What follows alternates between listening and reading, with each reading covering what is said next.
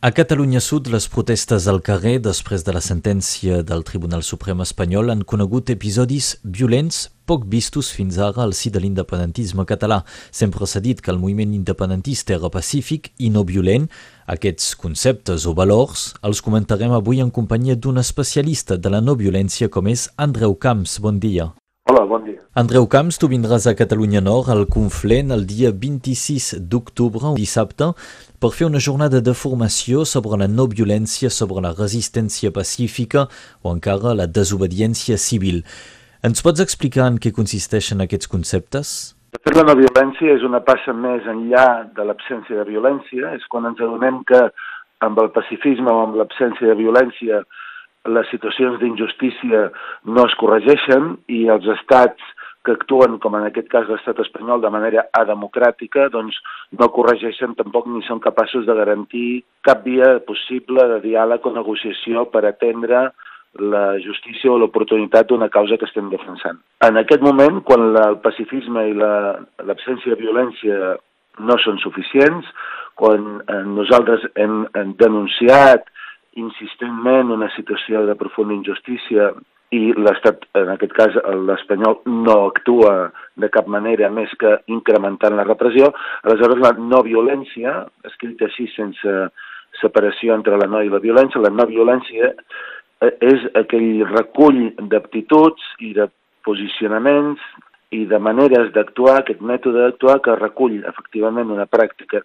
no violenta, però de manera organitzada al servei d'una estratègia global o conjunta que el que vol és forçar l'Estat, sense causar danys a les persones ni a les coses, a seure a negociar el que nosaltres eh, estem plantejant. En aquest cas, el Principat de Catalunya o Catalunya Sota està plantejant el seu dret a l'autodeterminació i la idea és obligar l'Estat a seure a l'entorn d'una taula de negociació per parlar-ne i acordar, doncs, sigui la celebració d'un referèndum per exercir aquest dret o allò que considerem. No, lògicament, la negociació s'ha de produir en peu d'igualtat, no d'una manera subordinada a l'estat espanyol. Mm. I la no violència entenem que és aquest camí que ens porta de manera creixent a mobilitzar de manera imaginativa creixent la ciutadania per pressionar la classe política, en aquest cas del Principat de Catalunya, de la comunitat autònoma de Catalunya del Sud, per que negociïn eh, o perquè obliguin l'Estat o perquè facin allò que considerin adient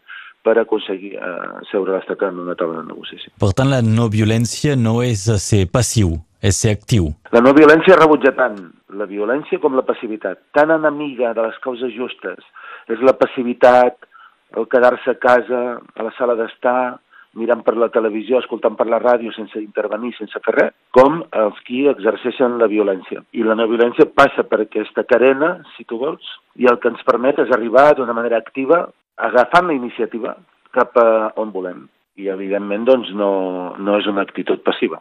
Gens. Mm. L'1 d'octubre, el dia del referèndum, es va veure doncs, aquesta resistència passiva davant de les eh, forces policials de l'estat espanyol i és un tema que també va sortir durant el judici eh, contra els presos polítics. Uh, una de les persones a qui se li va fer més preguntes va ser potser a David Fernández de la CUP, a qui se li va preguntar molt per les formacions que havia fet sobre la no violència. És quelcom que sembla que hagi costat d'entendre, no? A veure, costa d'entendre especialment en el Tribunal Suprem espanyol, que és un dels òrgans interns d'aquesta maquinària virulenta o violenta que és l'estat espanyol. L'estat espanyol té una matriu pràcticament equivalent a l'estat turc o l'estat rus, són estats que s'han conformat a l'entorn de tres grans columnes que són l'aristocràcia, clergat o l'església i els militars, i no han evolucionat, no han permès que cap revolució burgesa tallés cap coll de les famílies que fa 3, 4, 500 anys han ha anat engreixant aquesta maquinària d'acumulació de coneixement per utilitzar-lo contra la seva ciutadania.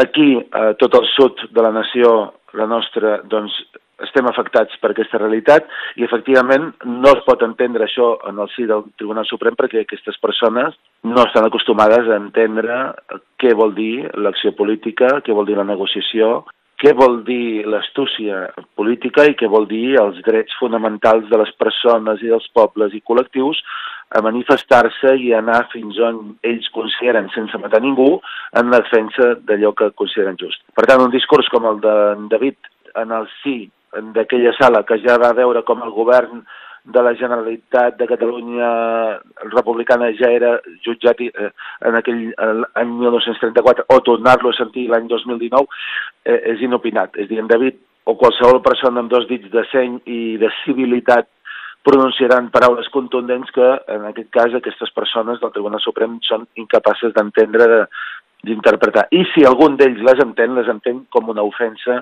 i com un atac i aquesta és la mesura de la escassa qualitat democràtica d'aquesta gent. No?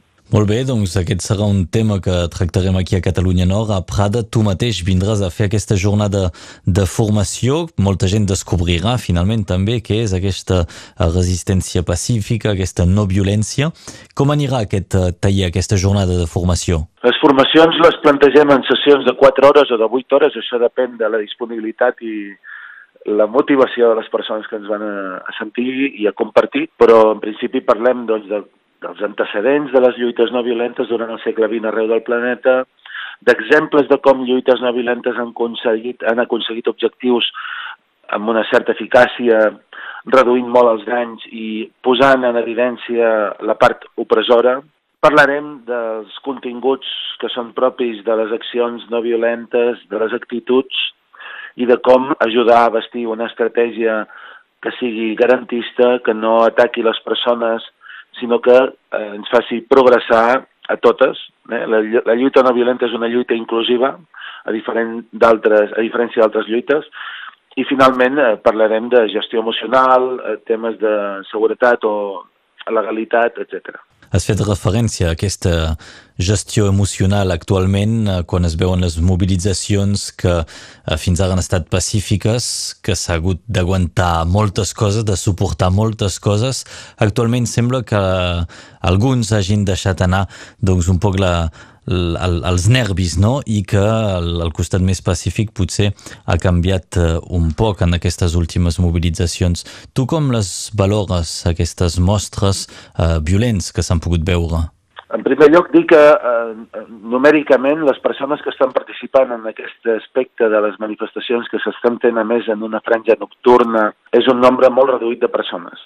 Sí que dilluns, en l'acte que es va fer a la ciutat de Barcelona després que en Lluís Llach cantés l'estaca on hi havia poder 60.000 persones o 70.000 concentrades eh, per iniciativa de l'Assemblea Nacional Catalana i Òmnium Cultural, eh, la policia espanyola i els Mossos d'Esquadra van decidir en un moment donat atacar aquesta massa. Això va ser encapçalat bàsicament per la policia espanyola. Abans que em telefonéssiu, eh, estava mirant eh, vídeos on apareix policia espanyola iniciant incendis en contenidors. Això no vol dir que tot sigui eh, fruit de la policia espanyola. Hi ha una part a cada societat menuda de persones potser desorientades, desubicades, o potser que confonen el moment, o que confonen eh, allò que cal fer i l'objectiu, i que poden caure per anys d'aquesta natura i que ràpidament doncs, eh, s'apunten a una dinàmica que no fa altra cosa que destruir o erosionar tot allò que hem construït des de fa molt d'anys. No? Mm -hmm. L'1 d'octubre va ser un moment interessant, bé que sense haver haver-nos entrenat, l'1 d'octubre ja ha passat, aquest, aquesta data ens serveix d'entrenament per millorar les coses a partir d'ara i per arraconar aquestes actituds, entenem nosaltres. Però després hi ha un costat humà que tots podem entendre, no? que quan eh, ho hem vist a l'1 d'octubre, gent amb els braços aixecats que es feien eh, pick-up amb cops de porra sense respondre. Hi ha un moment on, on això ja no és aguantable i eh, que de vegades s'acaba doncs, responent a l'agressió i això es veu en molt, molts moviments, moltes protestes arreu eh, del món, eh, les Gilets jaunes a l'estat francès o, o moltes més. Quin és el consell que doneu en aquest moment de màxima tensió per mantenir aquesta mobilització pacífica, aquesta no violència? Primer, mediar, en segon lloc, evitar caure en les provocacions tant internes com externes. Hi ha policia i serveis d'informació que estan produint aquesta, aquesta, eh, eh, aquestes contingències perquè els interessa aquest escenari. De fet, l'Estat, tant el francès com l'espanyol, estan preparats per eh, escenaris de violència. Fixeu-vos que en dos estats cada any incrementen les partides eh, destinades a la millora dels equipaments policials i les partides d'intel·ligència. Això es tradueix en un nombre indeterminat de persones que són contractades per infiltrar-se en moviments, per provocar dissensions, per generar zitzània, per provocar divisions i fins i tot per provocar allò que no desitgem, que és que apareguin eh, les reaccions a l'opressió de l'Estat, eh, a la repressió. És lògic que una persona quan rep un cop de pal vulgui defensar-se'n, però eh, si adquirim consciència i sabem quina és la natura de la lluita que duem a terme, sabem que la nostra lluita és justa, sabem que, sabem que la nostra causa és veritable perquè la nostra causa inclou tothom, no exclou ningú. De fet, només exclou el feixisme.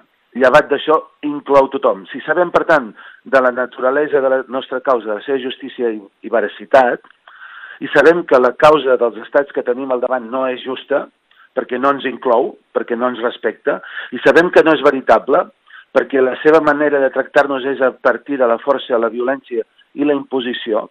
Si sabem tot això, és molt diferent l'actitud d'una persona que es vol defensar d'un cop de pal que l'actitud d'un col·lectiu que, coneixent tot això, està disposat a rebre pals però continuar avançant. I això és la força de la no violència.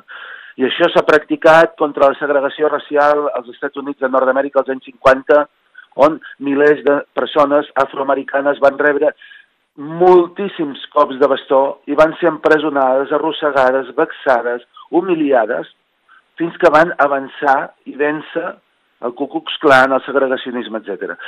I s'ha vist en altres indrets. I nosaltres entenem que aquest és el camí que ens condueix a l'objectiu final, que és la independència, almenys d'aquest tros de la nació catalana.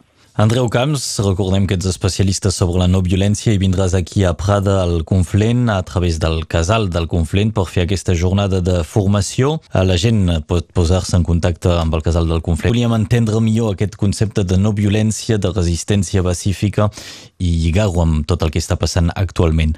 Andreu Camps, moltes gràcies i que vagi molt bé aquest taller del proper dia dissabte 26 d'octubre a Prada. Gràcies. Moltes gràcies a vosaltres i felicitats per la feina que feu.